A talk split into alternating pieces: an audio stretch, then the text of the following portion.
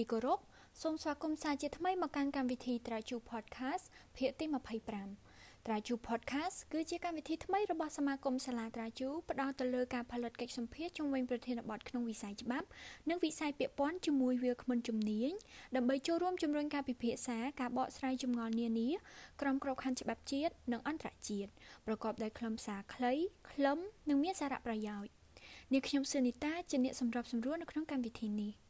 នៅក្នុងសប្តាហ៍នេះផងដែរកម្មវិធីយើងនឹងនាំមកនៅប្រធានបទតាក់ទងទៅនឹងសកម្មភាពយោធារវាងរុស្ស៊ីនិងអ៊ុយក្រែនដើម្បីធ្វើការបកស្រាយក៏ដូចជាឆ្លើយនៅសំណួរជំវិញប្រធានបទខាងលើនេះយើងបានអញ្ជើញលោកផលពិសាលដែលជាសាស្ត្រាចារ្យនីតិអន្តរជាតិសាធារណៈ អនុប្រធានសមាគមសាលាត្រាជូនាយករងទទួលបន្ទុកនីតិសាធារណៈនៃព្រឹត្តិបទច្បាប់សាលាត្រាជូហើយលោកមានបទពិសោធន៍ធ្លាប់ជាអ្នកស្រាវជ្រាវនៃស្ថាប័នតុលាការ ETLOS និងវិទ្យាស្ថាន Max Planck ដើម្បីធ្វើការបកស្រាយលើប្រធានបទនេះ។ ដោយដែលប្រិយមិត្តបានជ្រាបអំពីព្រឹត្តិការណ៍នៃសកម្មភាពយោធារបស់រុស្ស៊ីមកលើអ៊ុយក្រែនកាលពីខែកុម្ភៈដើមឆ្នាំ2022កន្លងមក ការនេះបានផ្ដល់ជាចំណាប់អារម្មណ៍ដល់ពិភពលោកទាំងមូលព្រមទាំងកម្មវិធីត្រាជូ Podcast របស់យើងនៅក្នុងសប្តាហ៍នេះផងដែរផ្អែកតាមសកម្មភាពយោធារបស់រុស្ស៊ីមកលើអ៊ុយក្រែននេះតើមានច្បាប់អន្តរជាតិណាខ្លះដែលពាក់ព័ន្ធអរគុណនីតាច្បាប់អន្តរជាតិដើរតួនាទីសំខាន់មែនទែនសម្រាប់គ្រប់ចំនួនឬក៏វិវាទ ដែលកំពុងកើតមាននៅក្នុងពេលបច្ចុប្បន្នហើយយើងឃើញថានៅក្នុងវិបត្តិរវាងប្រទេសរុស្ស៊ីនិងអ៊ុយក្រែននេះយើងឃើញថាមានច្បាប់អន្តរជាតិជាច្រើនដែលខ្ញុំសូមចែកជាពីរប្រភេទទី1គឺច្បាប់អន្តរជាតិទូទៅ និងទី2គឺច្បាប់អន្តរជាតិដែលមានលក្ខណៈពិសេសនៅក្នុងស្ថានភាពទូទៅនេះយើងឃើញថាគេតែងតែលើកអំពីទ្រឹស្ដីនៃការប្រើប្រាស់កម្លាំងបាទយើងឃើញថានៅក្នុងច្បាប់អន្តរជាតិ គឺនៅក្នុងទំនាក់ទំនងរបស់រដ្ឋគឺគេហាមរដ្ឋមិនឲ្យប្រើប្រាស់កម្លាំងទេ ជាមធ្យោបាយដើម្បីដោះស្រាយវិវាទរបស់ខ្លួនអញ្ចឹងយើងឃើញថារដ្ឋគឺនៅពេលដែលគាត់មានវិវាទឬក៏មានចំនួនរវាងអ្នកចិត្តខាងរបស់គាត់គឺច្បាប់អន្តរជាតិលើកទឹកចិត្តឲ្យគាត់ប្រើយន្តការដោះស្រាយចំនួនដោយសន្តិវិធីក៏ប៉ុន្តែនិយាយដូច្នោះគេក៏មានអញ្ញត្រកម្មមួយចំនួនឬក៏ជាករណីលើកលែងមួយចំនួនដែរ ដែលរដ្ឋគាត់អាចប្រើបានបានន័យថាជាជាគូលកម្លាំងហ្នឹងគឺថាបើប្រើនៅក្នុងករណីសាមញ្ញធម្មតាខុសច្បាប់ក៏ប៉ុន្តែការប្រើប្រាស់កម្លាំងក្នុងករណីពិសេសមួយចំនួនវាคล้ายទៅជាស្របច្បាប់វិញអញ្ចឹងករណីលើកលែងនេះមាន2ទី1គឺមានការអនុញ្ញាតជាមុនដោយក្រមប្រឹក្សាសន្តិសុខនៃអង្គការសហជីវជាតិហើយករណីអញ្ញតកម្មទី2នេះគឺការការពារខ្លួនដោយស្របច្បាប់ដែលវាស្ថិតនៅ ៅ ក្នុងក្របខ័ណ្ឌអង្គការសហជីវជាតិដូចគ្នាដែរដែលមានចែងនៅក្នុងប្រកាស51អឺក្រៅពីច្បាប់ទូទៅនេះយើងឃើញមានច្បាប់អន្តរជាតិពិសេសដល់ឡែកផ្សេងទៀតដែលច្រើនហើយខ្ញុំសូមរៀបរាប់ទ្រុសទ្រុសមិនអស់ទេ ទី1គឺយើងនិយាយអំពីច្បាប់គ្រប់គ្រងស្ថានភាពសង្គ្រាមដែលយើងនិយាយអំពីជំនួបប្រដាប់អាវុធអញ្ចឹងយើងឃើញថានៅក្នុងស្ថានភាពដែលមានការតតាំងគ្នារវាង សកម្មភាពយោធាលក្ខណៈនេះយើងឃើញថាច្បាប់អន្តរជាតិគឺអនុញ្ញាតឲ្យមានគេហៅថាការប្រើប្រាស់នៅកម្លាំងយោធាមួយចំនួនហើយគ្រប់គ្រងនៅសកម្មភាពយោធាទាំងអស់ហ្នឹងដែលយើងនិយាយពីច្បាប់សង្គ្រាមបាទហើយនៅក្នុងទៀតសោតគឺយើងអាចភ្ជាប់ជាមួយនឹងការការពារអាយុជីវិតមនុស្សនៅក្នុងពេលនៅក្នុងស្ថានភាពពិសេសដែលយើងដឹងហើយថាឧទាហរណ៍ដូចជាច្បាប់មនុស្សធម៌អន្តរជាតិ បាទអញ្ចឹងគឺគេការពារប្រសិនបើមានការអឺបំផ្លិចបំផ្លាញឬក៏ប៉ះពាល់ទៅដល់យុវជនមនុស្សអញ្ចឹងយើងឃើញថានៅវានឹងអាចប៉ះទៅដល់ច្បាប់មនុស្សធម៌អន្តរជាតិឬក៏យើងនិយាយជារួមថាជាមនុស្សធម៌ឬក៏សិទ្ធិមនុស្សនៅក្នុងពេលមានសង្គ្រាមលើពីនោះទៀតសោតយើងឃើញមាន ដូចជា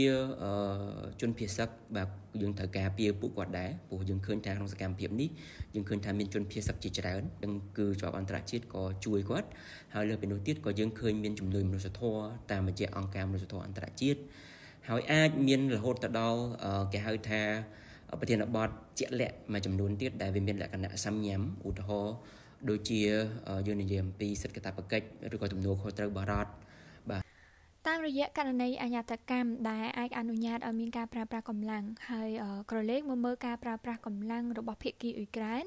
អឺតាមទ្រឹស្ដីនៃការការពារខ្លួនតើការប្រើប្រាស់កម្លាំងការពារខ្លួនរបស់ភាគីអ៊ុយក្រែនមានលក្ខណៈបន្ស៊ីទៅនឹងទ្រឹស្ដីការពារខ្លួនយ៉ាងដូចម្តេចខ្លះកម្មពិតទៅយើងឃើញថាការប្រើប្រាស់កម្លាំងជារួមគឺជាគោលការណ៍គឺខុសច្បាប់អន្តរជាតិលើកលែងតែគាត់ផ្ដល់មូលហេតុសមស្របណាមួយ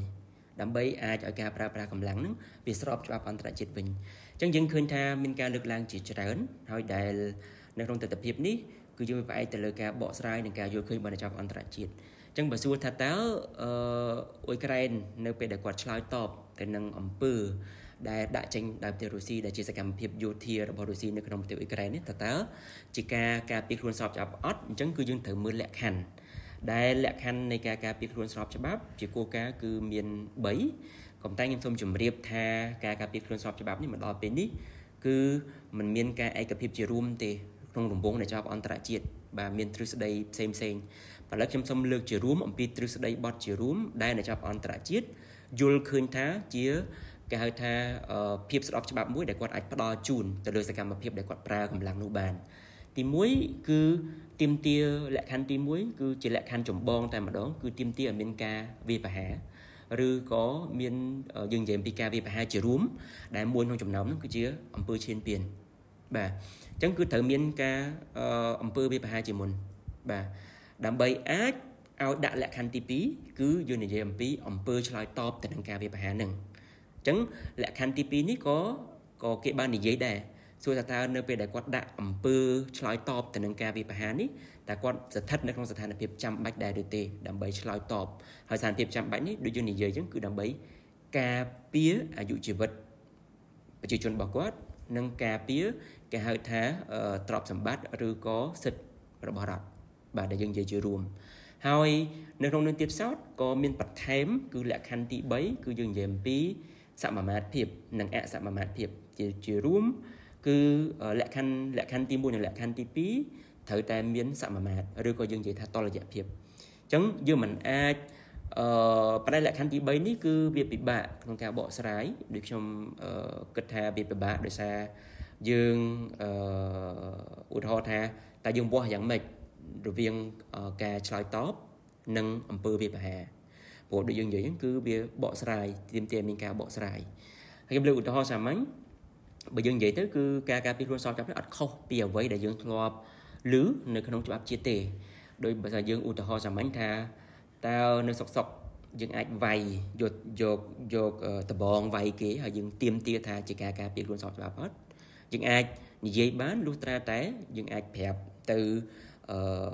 អាញាធរថាមានអំពើមួយដែលមានអំពើវាបហាមួយ ដើម្បីឲ្យយើងកាន់ដបងនោះការពារខ្លួនយើងបាន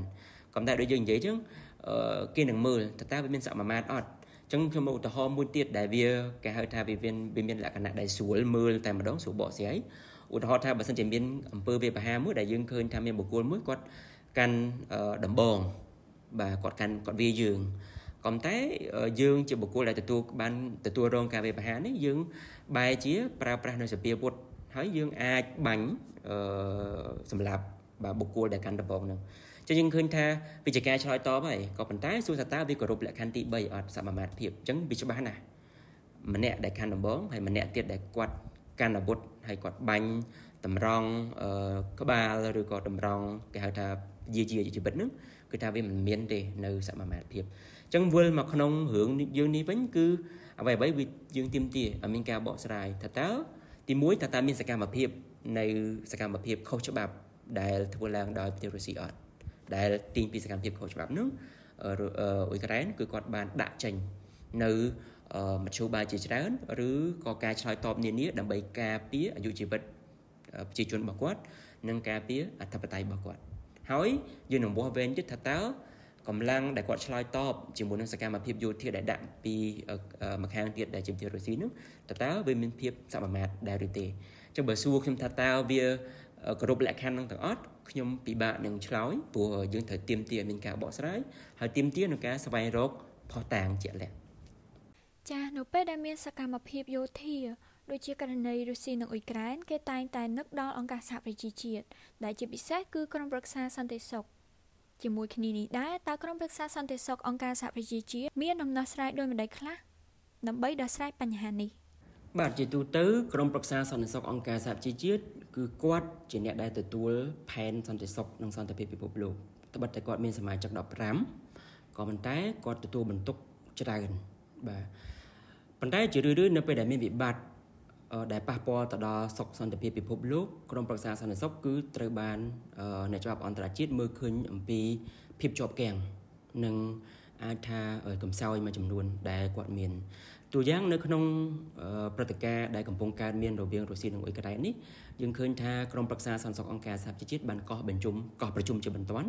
ហើយយើងឃើញថាការកោះប្រជុំនេះក៏មានការតតាំងគ្នាដែរអំពីរុស្ស៊ីនិងអ៊ុយក្រែនហើយអឺ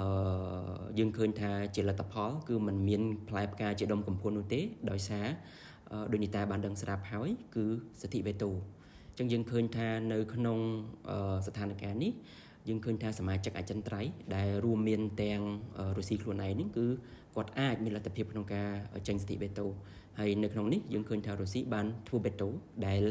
នាំឲ្យរារាំងដល់ការចេញសេចក្តីសម្រេចផ្សេងផ្សេងអញ្ចឹងនៅក្នុងអឺស្ថានភាពនេះយើងឃើញថាមហាសន្និបាតអង្គការសហជីវជាតិក៏ចូលរួមបាទចូលរួម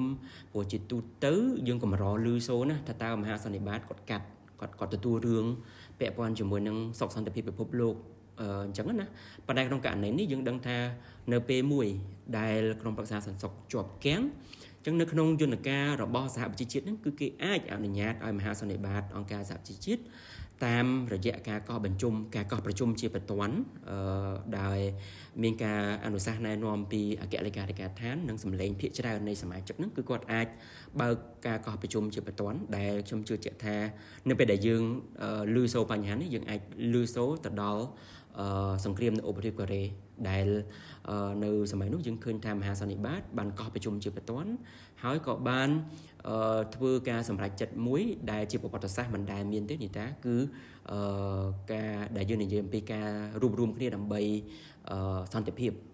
ដែលសេចក្តីសម្រេចនេះហើយដែលនាំឲ្យមហាសន្និបាតខ្លួនឯងគឺហាក់ដូចជាទទួលបាននៅសមត្ថកិច្ចពិសេសមួយក្នុងការ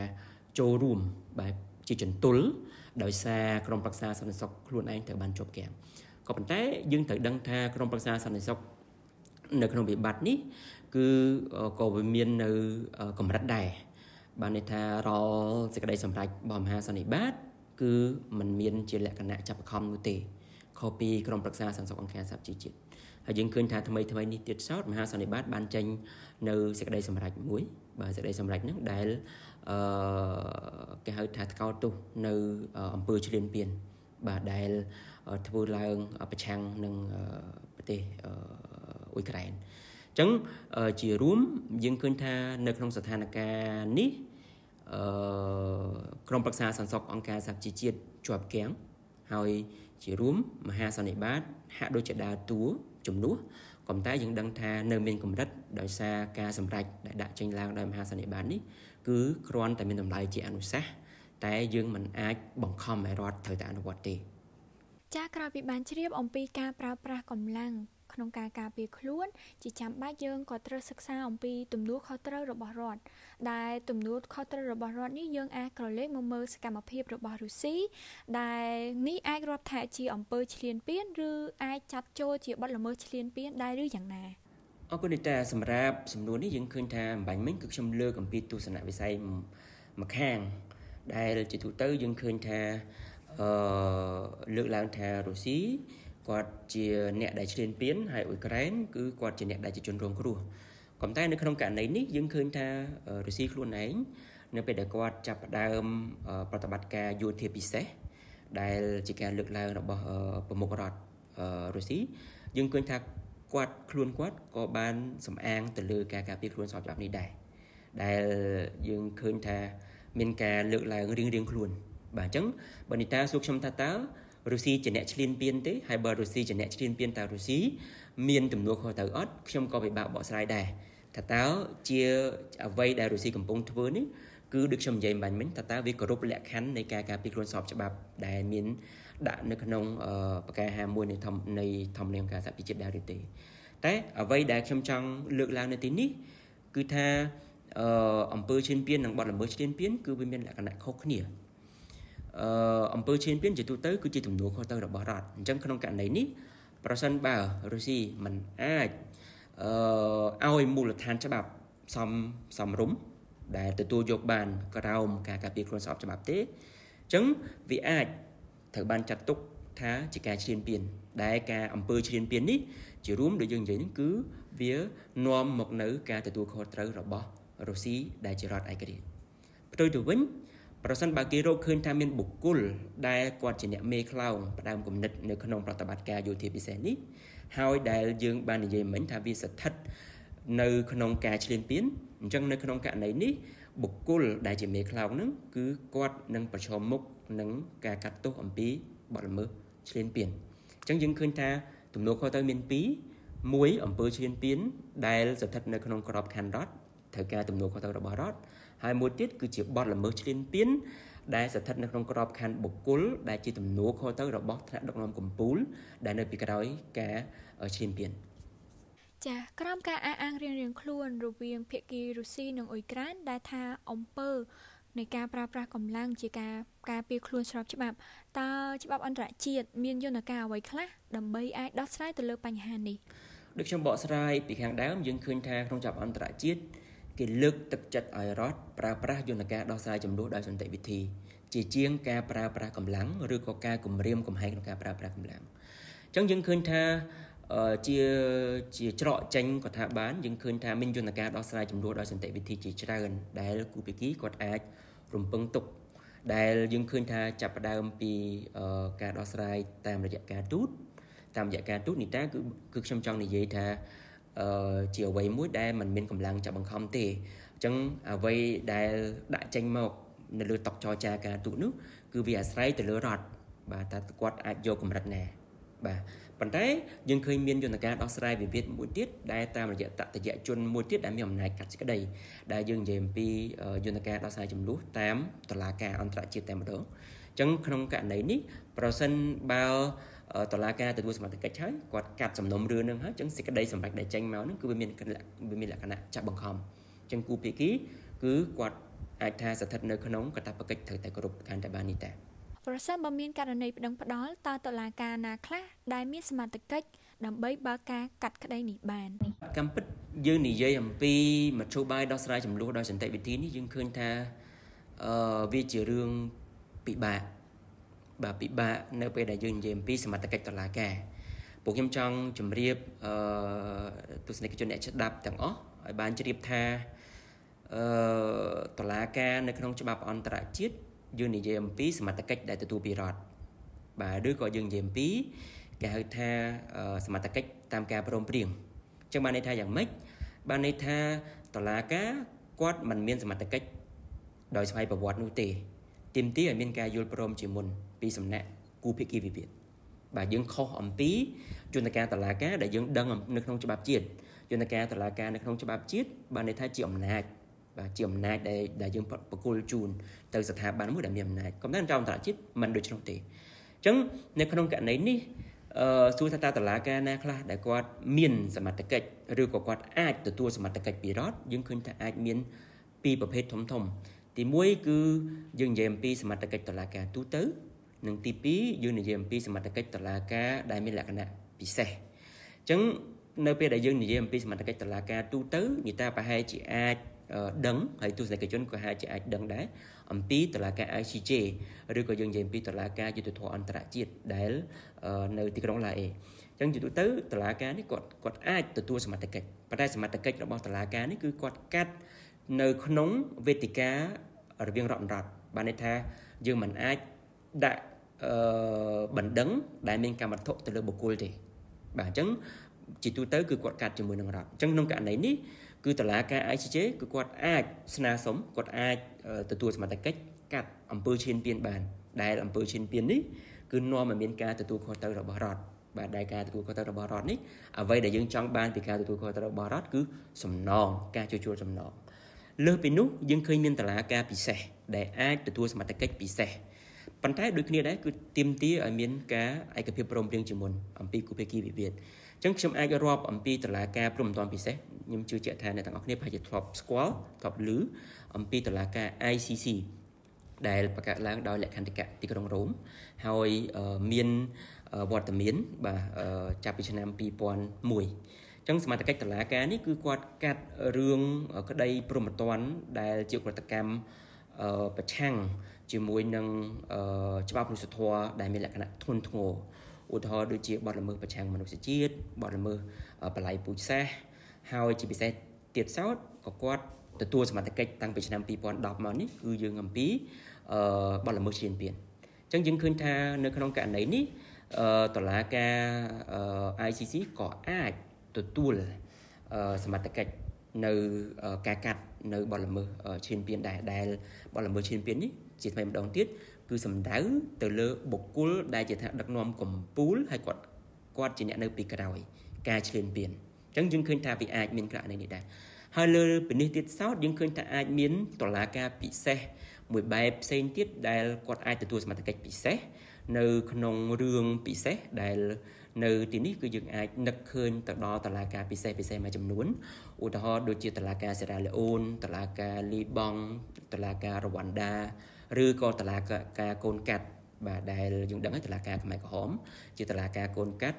មានលក្ខណៈពិសេសក្នុងករណីនេះអញ្ចឹងអឺក្នុងទស្សនវិជ្ជានេះយើងឃើញថាក៏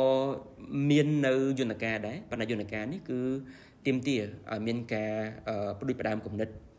ពីក្រុមប្រឹក្សាសន្តិការសហជីវជាតិនេះតែអញ្ចឹងកាលណាបើយើងនិយាយពីការផ្ដួចផ្ដើមគំនិតអំពីក្រុមប្រឹក្សាសន្តិការសហជីវជាតិយើងឃើញថាវាពិបាក ដោយសារវាអាចជួបប្រទះនឹងបញ្ហាប្រឈមគឺសតិបេតូជាថ្មីម្ដងទៀតគឺយើងដឹងថាសតិបេតូនេះអឺកាលណាបើសិនជាសមាជិកអចិន្ត្រៃយ៍ណាមួយគាត់មិនមិនយល់ព្រមទេហើយគាត់ជំទាស់គាត់វេតូចឹងក្នុងករណីនេះសេចក្តីសម្រេចទាំងបានបានគឺនឹងមិនអាចចេញទេនេះតា តើភាគីនៃដើមបណ្ដឹងអាចលើកយកអ្វីមកធ្វើជាកម្មវត្ថុនៃបណ្ដឹងបាទពាក់ព័ន្ធជាមួយនឹងកម្មវត្ថុបណ្ដឹងជាទូទៅរដ្ឋជាភាគីបណ្ដឹង គឺគាត់ត្រូវការដាក់ពាក្យបណ្ដឹងបាទការដាក់ពាក្យបណ្ដឹងហ្នឹងគឺគាត់ប្រើប្រាស់យន្តការដូចខ្ញុំបានរៀបរាប់អំបញ្ញមិញអញ្ចឹងបានន័យថាតើគាត់ចង់ប្តឹងឧទាហរណ៍ថាតើប្តឹងរដ្ឋឬក៏ប្តឹងបុគ្គលអញ្ចឹងបើសិនជាគាត់ប្តឹងរដ្ឋអញ្ចឹងគឺគាត់អាចប្រើ នៅក្នុងតុលាការដែលទទួលស្គាល់ដែលអាចផ្ដល់សមត្ថកិច្ចកាត់រឿងដែលពាក់ព័ន្ធជាមួយនឹងសិទ្ធិកាតព្វកិច្ចរបស់រដ្ឋតែបើសិនជាគាត់ចង់ប្តឹងចង់ប្តឹងបុគ្គលអញ្ចឹងគឺគាត់ត្រូវការដាក់ពាក្យបណ្ដឹងមួយដែលមានសមត្ថកិច្ចដែលមានកម្មវត្ថុពាក់ព័ន្ធជាមួយនឹងបុគ្គលអញ្ចឹងក្នុងករណីនេះវាអាចជាបណ្ដឹងដែលធ្វើ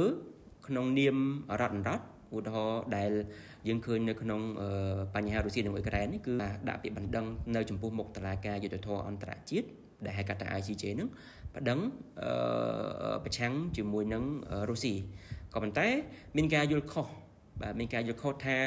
អ៊ុយក្រែនប្តឹងហ្នឹងគឺប្តឹងរុស្ស៊ីពីបទល្មើសពីអំពើឈានពានឬក៏បទល្មើសឈានពានក៏ប៉ុន្តែបើយើងមើលមែនតើទៅកម្មវត្ថុសំខាន់គឺពាក់ព័ន្ធជាមួយនឹងការបកស្រាយបាទដែលយើងឃើញថាទាំងរុស្ស៊ីនិងអ៊ុយក្រែនមានការយល់ខុសអំពីនិយមន័យនៃការទប់ស្កាត់បទល្មើសបល័យពូជសាសន៍ ព្រោះយើងដឹងហើយថារុស្ស៊ីនៅពេលដែលគាត់ចាប់ផ្ដើមដាក់នៅប្រតិបត្តិការយោធាពិសេសនេះគាត់បានបន្លយថាការការពារខ្លួននេះគឺដើម្បីគេទប់ស្កាត់នៅបទល្មើស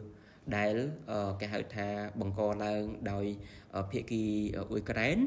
ដែលប៉ះពាល់ទៅដល់ជនជាតិដែលគាត់និយាយភាសារុស្ស៊ីនៅលើទឹកដីអ៊ុយក្រែនហ្នឹងហើយដែលការនេះរុស្ស៊ីគាត់គិតថា